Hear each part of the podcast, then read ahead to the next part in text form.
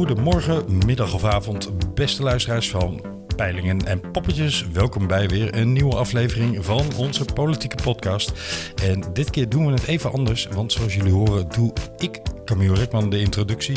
En niet Ginio bij en dat heeft een reden, want hij is vandaag jarig. Dus ik wil hem bij deze even van harte feliciteren. Dankjewel uh, Camille. Het is vandaag dus 15 februari. Mooiste dag van het jaar. Voorbij dan althans. Uh, en uh, het is ja, eigenlijk precies een maand voor de verkiezingen. Want over één maand, namelijk op 15 maart, dan beginnen de verkiezingen. Omdat ze dit jaar op drie dagen zijn. 15, 16 en 17 maart. En wij gaan het eens hebben over de campagne die aan het opwarmen is. Zo langzamerhand toch in de hete fase aan het rollen is. Ja. Dus vandaag hebben we een aflevering eigenlijk vol game changers, om het zo te zeggen. Dus we doen het iets anders dan u van ons gewend bent. Ja. Veel te bespreken en dat gaan we even doen. Ik zal me nog even voorstellen. U weet dus dat ik jarig ben, maar ik ben Ginio bij. Ik ben vandaag dus 44 jaar geworden. uh, CDA aangehoogd, zoals ik dat noem. Iets uh, rechts van het midden. En hou ongelooflijk van het politieke spel. En tegenover mij zit de introducee, Camille Rekman. Yes, niet jarig, maar voel me wel uh, feestelijk, want we zitten inderdaad midden in campagnetijd. En ik ben wat links van het midden, daarmee balanceren wij elkaar mooi uit. En uh, hopen wij een genuanceerd oordeel te kunnen vellen over wat er allemaal gebeurt. We gaan vandaag niet de vaste rubrieken doen, dus geen politieke film of boek of serie. We gaan ook niet uh, de aandacht op een, een blokje partijen richten.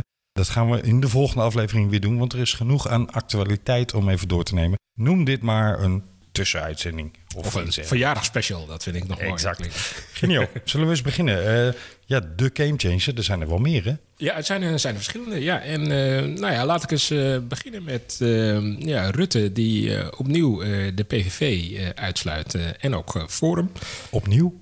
Ja, nou opnieuw de, de PVV opnieuw. Omdat mm. uh, de PV uh, die was ja, eigenlijk eens. al in de ban gedaan uh, na de minder Marokkanen uitspraak. En eigenlijk volgens mij nog veel meer omdat er veel oud zeer zat. Ja. Vanwege de wijze waarop Rutte 1 aan zijn einde is gekomen. Precies. Het gedoogvehikel, ja. zoals, dat, zoals ik dat hiervan noem. Dat is natuurlijk een, een beetje aparte constructie. Ja, en, en Forum nu ook. Dat heeft natuurlijk alles te maken met denk ik ten eerste de verminderde positie van Forum. Je zou denken van ja, het heeft alles te maken met die racistische apps. Maar goed, het gaat natuurlijk om Forum staat op dit moment ja, op vier zetels in de peilingen. Dat is niet een uh, partij die, uh, ja, die op dit moment uh, ja, überhaupt relevant kan zijn voor een meerderheid. Dus Ze kunnen nodig zijn, hè? maar waar, was het een positie van 20 zetels in de peiling, dan was de reactie misschien anders geweest, bedoel je het zeggen? Ja, precies. Ja. Dat, dat zoals wij in onze peiling al zeggen, peilingen nemen we zeer serieus. En ja, als op 20 zetels in de peiling hadden staan, ja, dan is het natuurlijk veel minder makkelijk om voor hem opzij te zetten. Ja die racistische apps, om het zo maar te zeggen, ja, die, uh, ja, die geven gewoon uh, Rutte een perfect excuus om uh, voor hem ook nog even uh, de grond in te trappen. Mhm. Mm -hmm. En wat dat betreft zich te positioneren als ja, toch de man van het midden. Ik kan me niet voorstellen, Ginio, dat iemand het gemist heeft, maar laten we toch even kort uitleggen wat die racistische apps dan, wat de gebeurtenis eromheen was. Vorige week kwam Elsevier Weekblad, tegenwoordig noemen we het EW blijkbaar, ja. kwam uit met um, een artikel waarin screenshots geplaatst waren van appjes uit een, een van de Forum voor Democratie appgroepen, waar Thierry Baudet zelf ook in zit. En um, ja, daar stonden nogal, laten we het zo zeggen, flink geopinieerde opvattingen in. Hè? Ja. Over, over ras en intelligentie. Die discussie hebben we al eens eerder in Forum uh, meegemaakt. Maar het ging ook over geaardheid en het ging ook over afkomst van iemand. Hè? Ja, nee, de, de, het meest uh, pregnante voorbeeld uh, was wel uh, de, de, vraag van Baudet aan iemand anders: van ja, zou jou, hoe, hoe, zou je het vinden? Of tenminste, Zul jij dat je dochter met een negen thuis komt? Ja, dat was het, ja. ja. Dat was het inderdaad, ja. ja en het antwoord was hell no. Ja, ja, ja, ja. nou ja, goed. Ja, ik mag blij zijn dat in ieder geval de vader van mijn vrouw dat niet heeft gezegd. Ja, ik zag ook op mijn favoriete bron, je weet, Twitter, uh, ook inderdaad een, een donkere, donker iemand die uh, twitterde van... Goh, uh, heb jij een zus? Ik zou haar graag eens willen ontmoeten, want het is ook bijna Valentijn. dus ja, in die zin kan je er ook om lachen. Maar goed, het is natuurlijk diep treurig. En kijk, het, is, ja, het verschil is natuurlijk dat het nu Baudet zelf is, waar dat eerder niet zo was.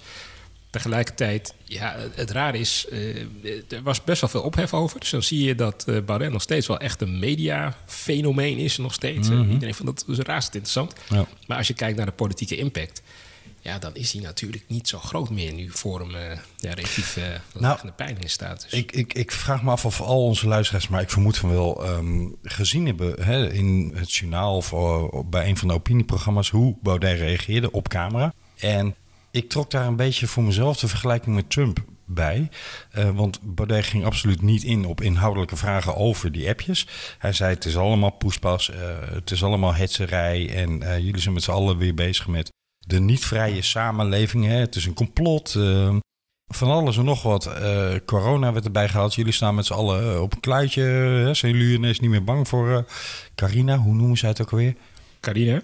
Ja, ze, ze zeggen niet corona bij Forum. Maar oh ja, ze noemen Kiona. Kiona, dat is het. Hè? Als, je, als je eh, rechts complotdenkend ja. ankerhoog bent, dan... Ik, ik, snap ook niet waar dat dan weer vandaan komt. Hè? Ja, maar wat op een gegeven moment bij, bij Trump in Amerika gebeurde... als er inhoudelijk voor kant onzin werd verteld... of hij ging niet in op vragen... dan werden uitzendingen onderbroken. En wat mij bij de Nederlandse journalistiek opviel... hij kon twee, drie, vier minuten lang kon hij ongehinderd. Ze riepen wel eens wat tussendoor, maar de microfoon bleef onder zijn neus. Hij kon ongehinderd ja, zijn, uh, zijn, zijn, laten we uh, in mijn opinie even zeggen, zijn waanideeën door de microfoon spuien. Ja, maar dat viel wel mee, vond ik. Want ja? uh, kijk, ten eerste dat... Ik vond het bijna gênant. Nou, dat ze het bij Trump onderbreken, dat is ook wat nieuws. Hè? Dat hebben ze pas eigenlijk, ja, ja. toen hij al bijna, ja, laat zeggen, volgens mij bijna het einde van de, van de campagne begonnen ze dat te doen. en wat betreft Baudet, ja, hij zei niet zoveel. Dat was het uiteindelijk. Hij ging gewoon nergens op in. Nee. En ehm, ja, hij, hij, was een beetje pesterig inderdaad tegen de journalisten. Van, goh, je staat allemaal dicht bij elkaar elkaar. Ben je inderdaad niet bang voor corona. Maar het, het, ja, het was eigenlijk in die zin heel slim om te zeggen van ja, ik ga daar nu gewoon helemaal niet op in. Waardoor je natuurlijk al wist dat het allemaal gewoon waar was. Maar hmm. ja, dat. Uh, maar goed, uh, laat ik het zo zeggen. Hadden, vond jij de journalistiek scherp genoeg naar hem toe? Of hadden ze hem toch meer moeten tackelen of meer minder ruimte moeten geven om er weer een, een Baudet-show van te maken. Want dat is hem uiteindelijk aardig gelukt. Dan moet je hem toegeven ja, Ja, nou goed, ja, het, is een. Uh, ik denk dat hij gewoon een goede tactiek had gekozen door te zeggen van ik ga er gewoon helemaal inhoudelijk niet op in. Dus dan ben je ook gevrijwaard van alle vragen daaromheen. En ik denk dat bijvoorbeeld uh, Wiebere van Haga, die ging daar wel een beetje inhoudelijk op in. Die ging zeggen van ja, ik vind dat je vrij debat moet kunnen voeren en je moet het het over kunnen hebben. En ja, op dat moment, ja, als je de, de dingen zoals uh, van die zus, dan denk je van ja, dat, dat, dat is niet een vrij debat of dat is niet filosoferen. Dat is gewoon uh, keihard racisme. En dus Barret deed dat slim. Ik denk dat de journalisten niet veel anders konden. En ik denk eigenlijk, en ik vind eigenlijk dat wij dat nu ook doen, in zekere zin. Te veel op, Ja, te veel aandacht. Ja, voor, voor uh, Barret die. Maar laat ik dit wel zeggen. Ik, ben, ik ben dat niet met je eens, Ginio. Um, ik snap jouw punt, hè? want Baudet kreeg te veel aandacht in mijn optiek... omdat hij de ruimte kreeg om zijn escape in te zetten. Ik vind het wel degelijk een punt van enorme zorg over... wat zit er nou eigenlijk op die achtergrond van Forum. Hè? Uh, laten we niet vergeten, een jaar geleden stond die partij nog op 20 zetels. Ja. Dat, um, dat, betekent ook dat er dus voor 20 zetels aan mensen sympathie voor ja, het officiële standpunt van die partij hebben. Nou is het officiële standpunt iets anders, zegt Baudet ook, dan wat ze privé in appgroepen delen. Dat mag ik hopen. Ja, dit staat niet in het verkiezingsprogramma. Nee, maar uh, nou ben ik van origine een historicus en nou weet ik dat officiële standpunten en achterliggende agenda's nog wel eens van elkaar willen afwijken in uh, de loop van onze geschiedenis als mensheid. Mm Dat is toch wel iets om, om proberen doorheen te prikken en de vinger op te leggen. Dus ik vind dit wel degelijk de aandacht verdienen hoor. Ja, oké. Ik, laat ik zo zeggen dat ik het in die zin met je eens ben. Dat uh, al eerder is gebleken dat ja, toch uh, behoorlijk, uh, ja, laat ik zeggen, antisemitische, antisemitische appjes.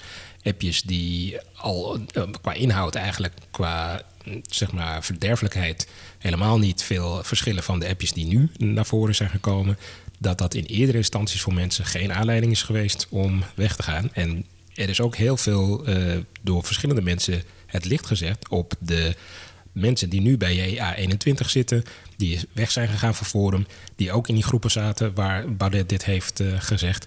Ja, en dan kun je inderdaad wel aangeven van ja, waarom zijn jullie toen niet weggegaan? Want is, was dit dan niet uh, ernstig genoeg? En ik zal je vertellen, dat is wat ik net ook uh, wilde zeggen dat Forum staat nu op vier zetels. Bedoel, het zou zomaar kunnen dat ze acht zetels halen bij de Kamerverkiezingen. Dat er veel mensen denken van ja, hoe kan dat? En dat is inderdaad, ja, er zijn heel veel mensen die nu nog steeds prima op Forum kunnen stemmen. En die, ja, en ook al had die, de partij vier zetels, vijf zetels, dat is alsnog heel veel. Ja. Wat, wat hier weer gebeurt, is een verschijnsel waar Baudet enorm goed in is. Namelijk iets roepen, maar het niet roepen. Ehm, er komt voortdurend nieuws uit de, het Forumkamp al jaren. Waarvan iedereen zegt: Nou, nou, nou, nou, nou. Ehm, hij gaat lunchen met rechtsextremistische figuren uit de Verenigde Staten. Maar het wordt nooit officieel bekendgemaakt. Hè? Het wordt uh, ontkend, nog bekendgemaakt. Zo worden er allerlei signalen afgegeven die een bepaalde kiezersgroep kunnen aanspreken, zonder dat het openlijk gecommuniceerd wordt. Ja, het is de, de bekende dogwissel. Hè? Dat is eigenlijk uh, ja, de, de, geheime code. Dat is een uh, ja. term die ik daarvoor uh, ook niet, niet echt kende, maar door Forum heel bekend is geworden. Ja, daar zijn ze heel sterk in. En nou ja, goed, toch maar afsluitend. ik denk dat het, ja, het is voor een grote groep mensen zal dit toch wel een bevestiging zijn dat ze niet meer bij Forum moeten zijn. Ik, ik heb zelf een, een vriendin die wel ja, Forum wel sympathiek vond. En uh, nu heeft aangegeven, ja, die appjes, uh, dat gaat mij ook te ver. Uh, maar goed, alsnog, zoals ik zei, ik, ze gaan gewoon een aantal zetels halen in de Kamer. Mm. En het is toch zorgelijk dat er best veel mensen zijn die dit geen enkel probleem vinden.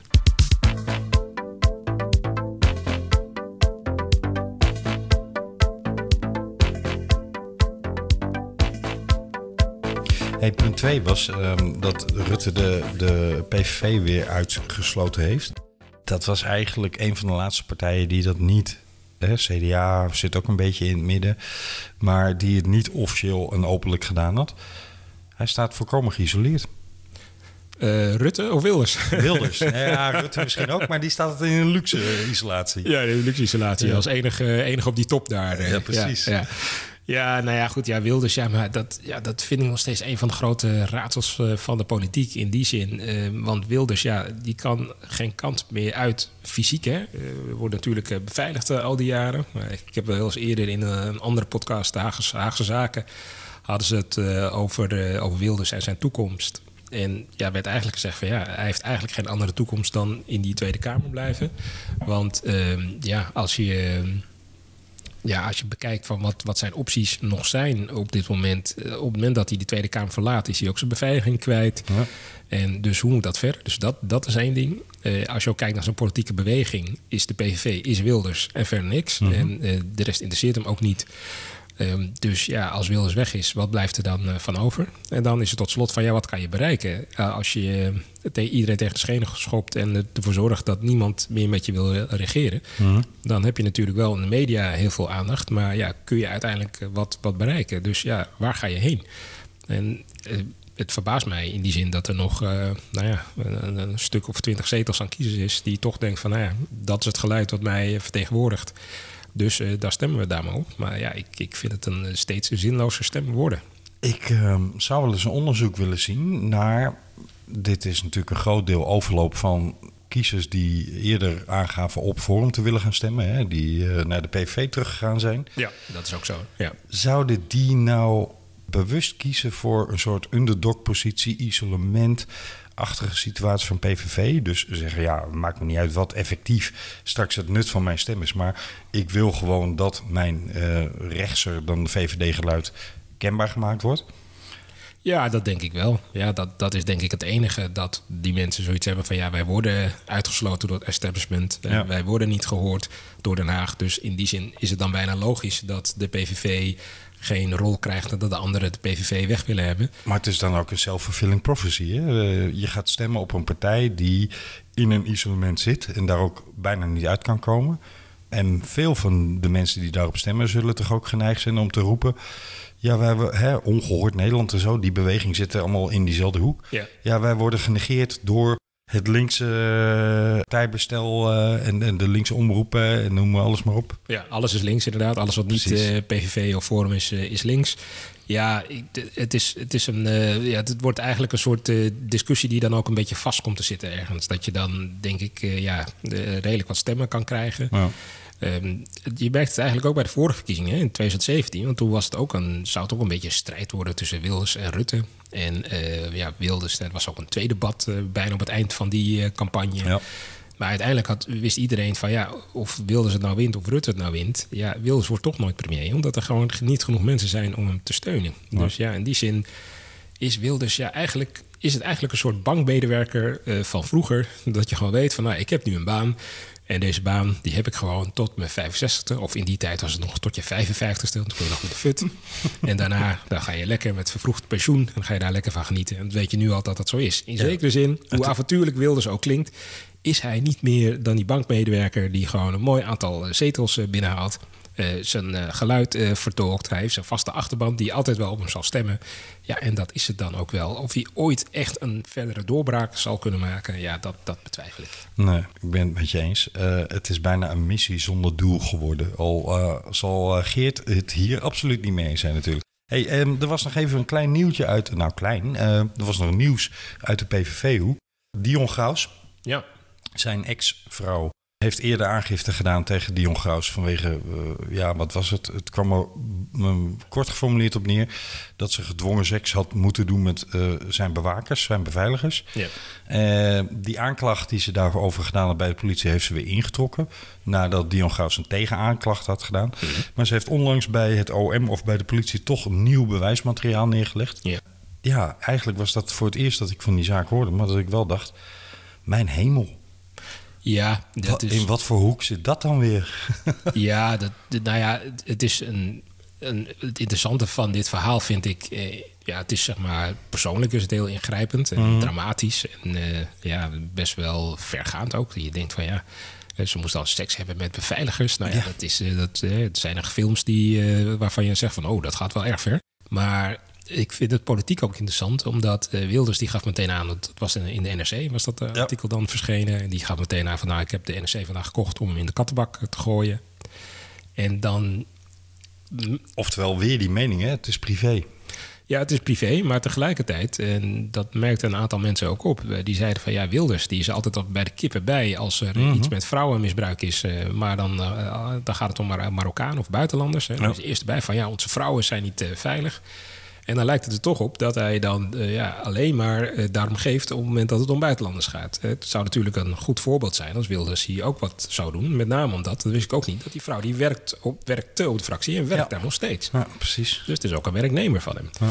Dus ja, in, in dat geval zou je dat toch heel serieus moeten nemen. En in ieder geval moeten zeggen van, nou ja, we moeten het uitzoeken hoe dit zit. En je zou eigenlijk Graus moeten schorsen, of hoe noem je dat? In ieder geval zeggen van, nou, je moet tijdelijk even je werkzaamheden neerleggen. Ja, totdat ik het heb uitgezocht. Ja, totdat er een intern goed onderzoek naar gedaan is. Ja, Ehm, dat onderzoek, daar gaan we in de volgende aflevering nog wel eens over praten. Schijnt ook in SP en in D66 wel plaats te vinden. Hè?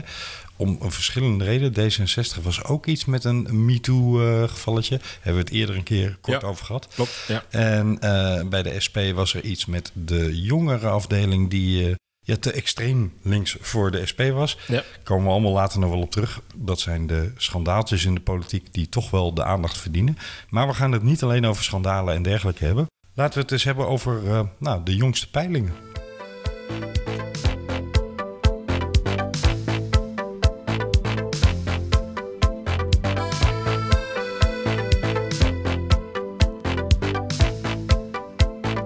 Rutte. Ja, Rutte staat er eh, goed voor. Dat is eh, geen nieuws. Het is wel aardig. eh, in podcast hoor je het eigenlijk nooit over andere podcasts. Maar wij doen alles anders. Dus ik ga het er nu wel over hebben. Ik heb geluisterd naar de podcast Koorts van de Volkskrant. Die zijn ook eh, begonnen. En Koorts, eh, nou, dat zal denk ik dan voor verkiezingskoorts eh, staan. Ja. En ze constateerden in ieder geval in de eerste aflevering dat hij er nog niet was. En wat ik er mooi aan vond, er waren allemaal journalisten. Sheila Sitalsing en eh Raoul Dupré. Dat, maar het, het, het mooie ervan vond ik, ze waren zich aan het vervelen. Je merkte aan alles dat ze iets hadden van... In ja, de podcast. nou ja, Of, of op het Binnenhof. Nou ja, het, in de podcast bleek duidelijk dat zij zoiets hadden van... er moet wat gaan gebeuren. Want Rutte is oppermachtig en eh, hij is de man to beat. En het waren echt, eh, ja, ze waren zich aan het vervelen. Dat was eigenlijk wel een, een ja, mooie spiegel van... in ieder geval wat wij ook constateerden van... eh, Rutte staat natuurlijk bovenaan. Er, was een, er is een Volkskrant onderzoek gedaan. De Volkskrant doet eh, eh, elke keer bij verkiezingen... doen ze een uitgebreid onderzoek... eh, niet alleen naar ja, de aantrekkelijkheid van lijsttrekkers... maar ook naar thema's en een wat dieper gaan, diepergravend onderzoek. Ja. En daaruit blijkt ja, de, de hele sterke positie van Rutte. Dus niet alleen dat hij goed scoort in de peilingen, maar ook qua ideeën, hè, want dat is ook belangrijk. Van, mhm. wat, van welke, ja, welke issues is een partij eigenaar? Van oudsher natuurlijk de economie. Hè, dat als je dan denk je als eerste aan de VVD. Als je denkt aan de, maar ook aan veiligheid. En zo zijn er veel meer uh, issues waar de VVD als eerste genoemd wordt. Ja. En je ziet ook dat de VVD ook aantrekkelijk is voor verschillende lagen van uh, de bevolking. Dus het is niet Dankzij meer... Klaas Dijkhoff, hè, die daar uh, eigenlijk, nou ja, eigenhandig wil ik net niet zeggen, maar in ieder geval de aanjager van is geweest om een soort vernieuwingsbeweging in de VVD op gang te brengen door te zeggen: ik ga het hele land door, ik ga overal luisteren naar wat mensen van bepaalde zaken vinden. En daardoor zie je nu dat de VVD ineens zegt: hé, uh, hey, grote multinationals, belasting betalen, jongens. Ja, nee, dat is inderdaad. Ja, dat soort. Ja. Ja. Voorkomen, ja. Uh, Balkenende zou zeggen, u draait. nou, wie weet wordt het nog gezegd. ja, nee, wat is maar dat is een interessante ontwikkeling. Maar goed, dat, dat maakt natuurlijk uh, dat het voor uh, andere partijen ja, ongelooflijk lastig is om daar tegenaan te gaan. Tegelijkertijd blijf ik altijd zeggen, ook zo'n diepgaand onderzoek van de Volkskrant is uiteindelijk nog steeds een momentopname. op dat moment, ja, op het moment dat er dingen gaan schuiven, op het moment dat de campagne gaat beginnen. En ik heb toch het idee dat het moment dat je gewoon één duidelijke koploper hebt, dat het zo evident is dat uh, ja, alles wat er maar gaat gebeuren in de campagne, elke verschuiving, piepkleine verschuiving die er is, die zal uitgemeten worden. En dan wordt het, oh, wordt Rutte toch nog uitgedaagd, wordt het dan toch nog spannend. Dat gaat zijn eigen dynamiek krijgen. En een mooi moment waarop dat zou kunnen gebeuren, is het uh, RTL-debat. Ja. Laten we daar eens uh, over, over hebben. Het RTL-debat dat staat gepland op 28 februari. En het aardige van het RTL-debat is dat dat in vorige campagnes altijd een moment is geweest waarop dingen zijn gaan schuiven. Ja, game changer. Precies, de game changer waar we het uh, zo vaak over hebben. Ik neem je even mee naar uh, 2003. Uh, toen uh, Balkenende ja, ruim voor stond. Het zag er daar goed uit. het kabinet met het LPF was gevallen. Werd hem niet aangerekend. Het CDA peilde rond de 50 zetels. Mm en uh, de Partij van Arbeid die, uh, was aan het terugklabberen van een historisch verlies na Fortuin. En Toen het de, de, de, bakel. hebben ze daarna nog eens dunnetjes over gedaan? Ja, nee, precies. precies. Dat, daar hebben ze dus ervaring mee. Dus in die zin kan Ploemen hier, hier hoop uitputten. En zeker nou, nou, ophouden met lachen, Genio. Nou, nou, nou, wacht even. Nou, nu, nu kan jij lachen. Want de zekere Wouter Bos kwam toen. En in het RTL-debat ja, viel hij dus op. Het waren de mensen met das, Balkenende en Salm. En nu mensen zonder das. en dat waren Bos en uh, Marijnissen toen. Ja. En uh, ja, Wouter Bos die deed het zo goed dat hij ineens uh, tegen de peilingen een ongelooflijk goede uitslag uh, neerzette. En hetzelfde 38, gebeurde. hè? volgens mij 38 zetels. Ja, dat was Samson. of ja, moet ik even kijken. Nee, volgens mij had de Bos zelfs iets van 40 zetels. Of, of 42, ja. ja. Maar was dat niet het debat waarin hij tegen Balken bleef zeggen: Nou, doet u het weer? Nee, dat was, eh, dat was dan Samson inderdaad. Oh, eh, dat was Samson inderdaad bij Rutte. En dat was inderdaad de tweede, zeg maar, waar de RTL-debat een gamechanger was. Dat was uh, toen in 2012. Waar toen het leek dat het een strijd zou worden tussen Rutte enerzijds en Roemer. Emiel Roemer, wie kent hem nog? Die zou premier worden. Dat stond zelfs voor op een gegeven moment. SP-premier, het was echt heel erg dichtbij. Maar toen kwam daar het LTR-debat. En uh, ja, Diederik Samson die won dat debat eigenlijk gewoon door te zeggen dat hij niets ging beloven. Dat is eigenlijk fantastisch. En inderdaad tegen Rutte op een gegeven moment zei van ja, uh, nu doet hij het weer. Maar ja, eh, het RTL-debat heeft de PvdA dus hele goede herinneringen aan. Alleen... Ze zijn er niet. Nee, nee, dat zal dit jaar anders zijn. Er gaan uh, in, in Medialand flinke discussies hè, over... Uh, nee, dat is overigens elke verkiezingen weer hoor. Van wie worden er nou uitgenodigd en op basis van welke criteria maak je die selectie enzovoort. Ja. ja, ze hebben eigenlijk gezegd... we trekken de grens een beetje rond de team. Nou, dan valt de PvdA eraf. Ja, die ja. hebben er negen. Nou, het was, was zelfs, het was zelfs nog wat ingewikkelder. Ze hadden het zo gedaan. Ze zeiden van, we hebben dus de, de peilingen, het gemiddelde van de peiling in de peilingwijzer. Ja. En dan tellen we bij op het daadwerkelijke aantal zetels dat je hebt in de Kamer op dit moment. En daar uh, nemen we het gemiddelde van. Dus dat delen we dan door Er is misschien een, een, glimmetje hoop voor de PvdA. Want uh, Ploemen doet het goed in de peiling. Staat nu op 13. Ja, nee, dat is, uh, dat is goed. Maar goed, het moment is al gekozen. De, de ja, is gevallen. Ja, is waar. Dus ze zijn er niet bij. Dus de gelukkigen zijn CDA, VVD, PVV, D66, SP en GroenLinks. Dat zijn eh, de zes partijen die mogen glanzen bij het RTL-debat, 28 februari. Ja, en dat is eigenlijk de eerste kans om uh, echt een, een, deuk in het imago van Rutte uh, te proberen te regelen, om daar een deuk in te krijgen. En ja, ik denk eerlijk gezegd dat de andere partijen, die zullen echt los moeten gaan Ik denk dat Hoekstra moet losgaan. Mm. Kaag moet losgaan. Want als je iets wil, ja, dan moet je dan, moet je dan gaan doen. Wat, hoe, zie, hoe zie jij dat? Nou, eh, even terug op jouw opmerking. Dan ga ik zo zeggen hoe, hoe ik het zie. Maar terug op jouw opmerking over um, Hoekstra moet los. Het grappige is, we hebben al twee debatten gehad. Hè. Het debat van het Noorden, georganiseerd door drie noordelijke dagbladen. En het COC-debat. Daar was het CDA volgens mij voor het eerst bij. Dat vond ik een opvallend statement. En een positief statement. Hoekstra werd daar door de andere deelnemers ja, toch stevig aangepakt hè, op het feit dat hij er voor het eerst was. En iedereen zei, nou, we hopen dat dit het nieuwe CDA-geluid is. Hè? Dat uh, er dus meer tolerantie richting uh, de LBT-beweging uh, enzovoorts. hoe heet het? LHBTIQIA+. ja. Dank u. Nou, die Ik zou jou dus vertellen waar het allemaal voor staat. maar dat was even een zijsprong.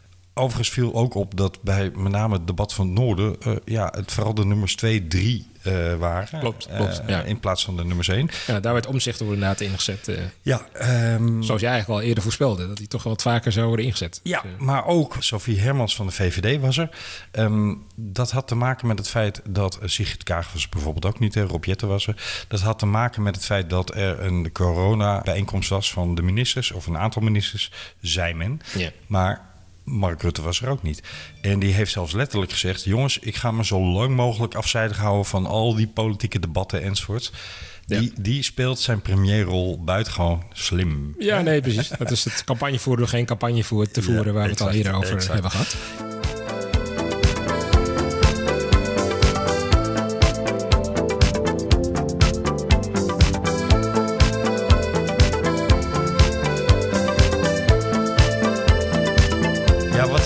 Kunnen partijen? Um, dat RTL-debat. Ja. Moet, uh, moet, uh, moeten Hoekstra en Kaag uh, gewoon voor de schenen gaan? Gewoon tackelen? Ik, ik, zag Sigrid Kaag bij Wakker Nederland afgelopen zondag. En daar werd ze, vind ik, enigszins onheus ondervraagd. Omdat ze bleven hameren op het feit dat zij heeft gezegd... doe or die in het Nederlands over het klimaat. Hè, wat een van de twee hoofdthema's van D66 is. Mm. Onderwijs en klimaat. Mm. Dat heeft hun focus in deze campagne, blijkbaar.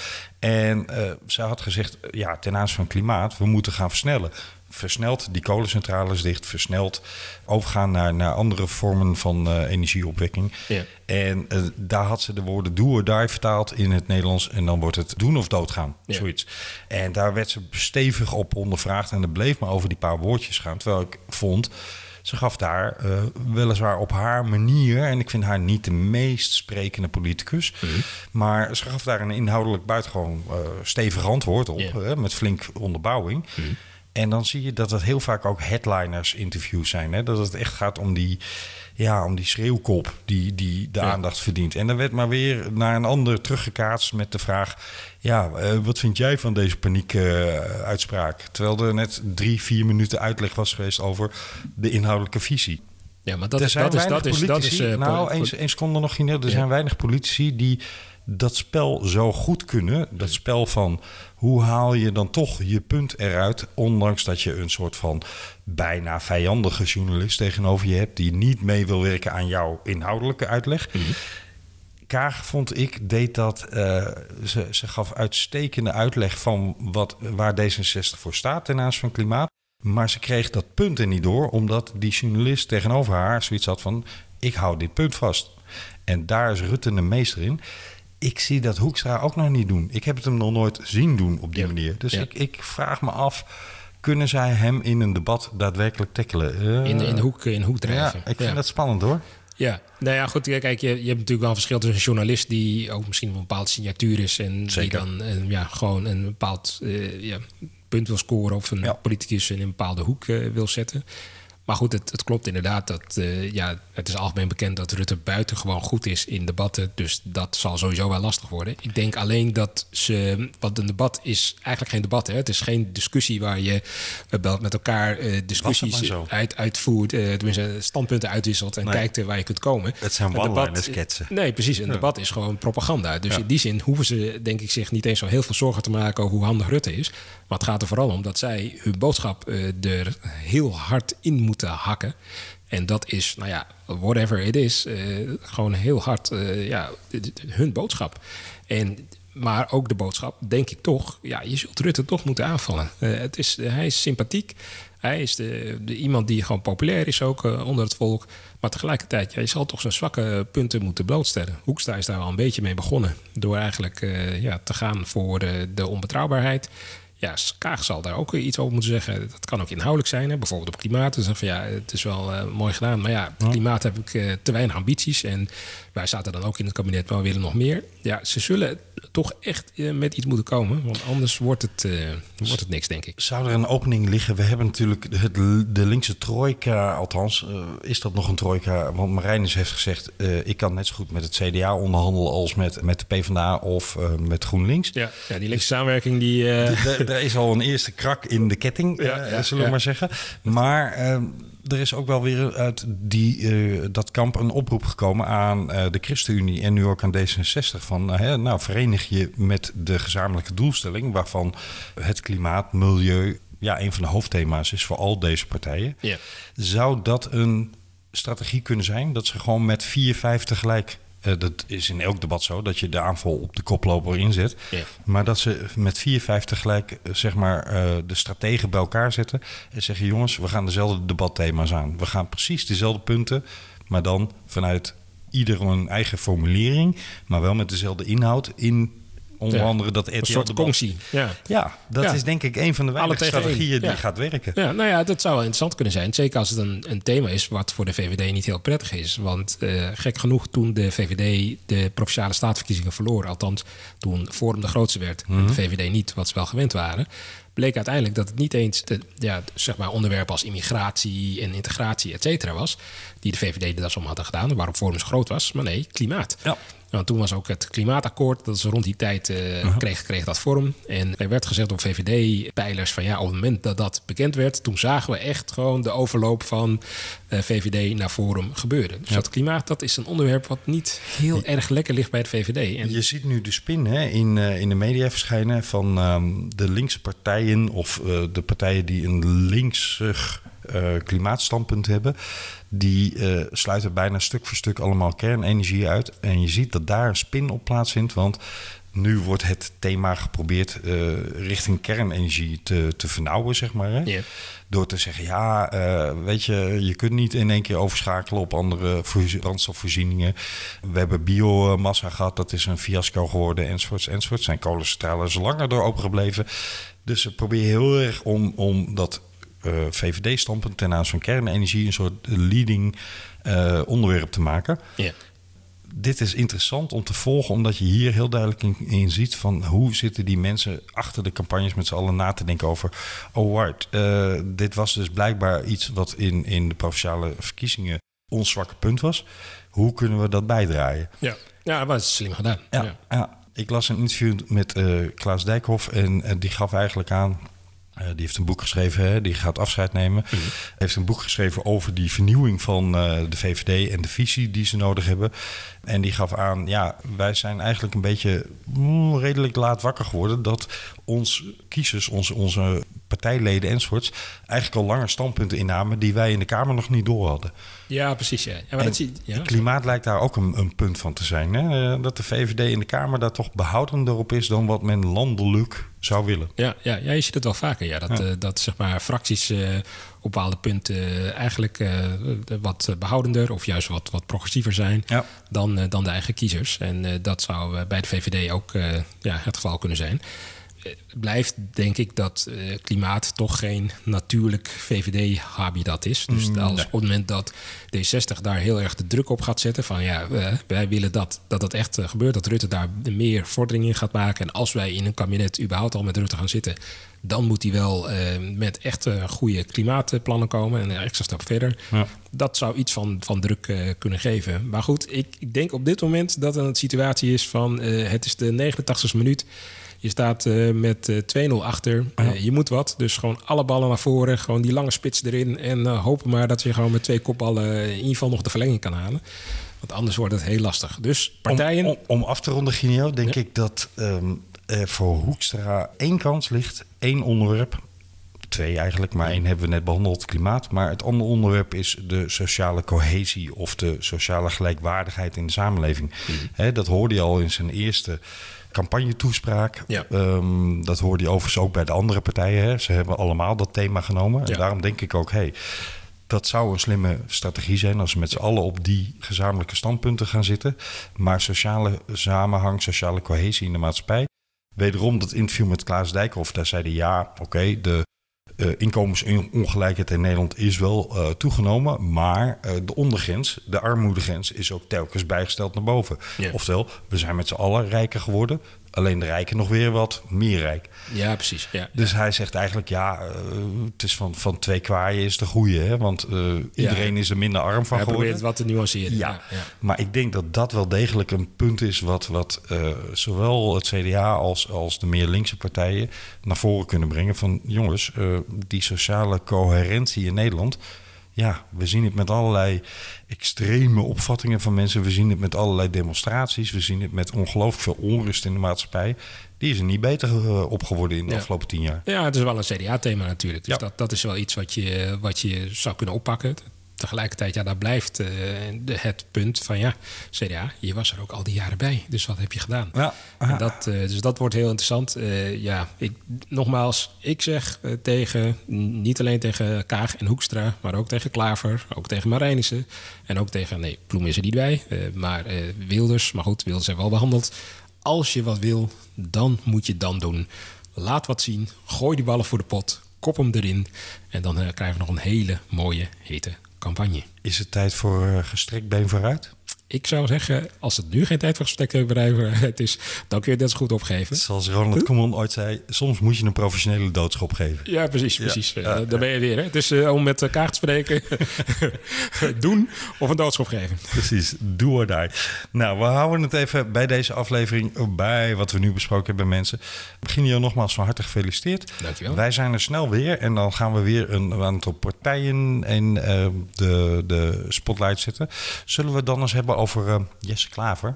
Zeker. eh, GroenLinks. Ja, laten we daar eens wat eh, dieper op ingaan. Ja. Want, eh, hoe kan het dat de Jessias zo mooi scoorde in 2017 en nu toch iets van zijn glans verloren lijkt te hebben? Ja, ja, ja. En, en wat kunnen we daar eventueel nog aan lering uit trekken?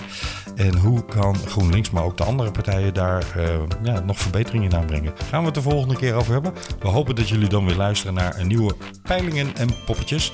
Jullie kunnen ons eventueel ook tips over een onderwerp. Of als je nou zegt, joh, besteed eens aandacht aan die partij, Volt of iets dergelijks. Eh, gooi dat op Twitter, Ginio. Het Ja, het het P-poppetjes, dus twee keer P aan het begin. Je kan ons vinden als je gewoon peilingen poppetjes op Twitter zoekt. En we hebben ook een e-mailadres, dat is peilingenpoppetjes.gmail.com. We gaan genieten van een stukje appeltaart, Ginio. Dankjewel. En eh, we bedanken de luisteraars en tot de volgende keer. Tot de volgende. Hoi. Hoi.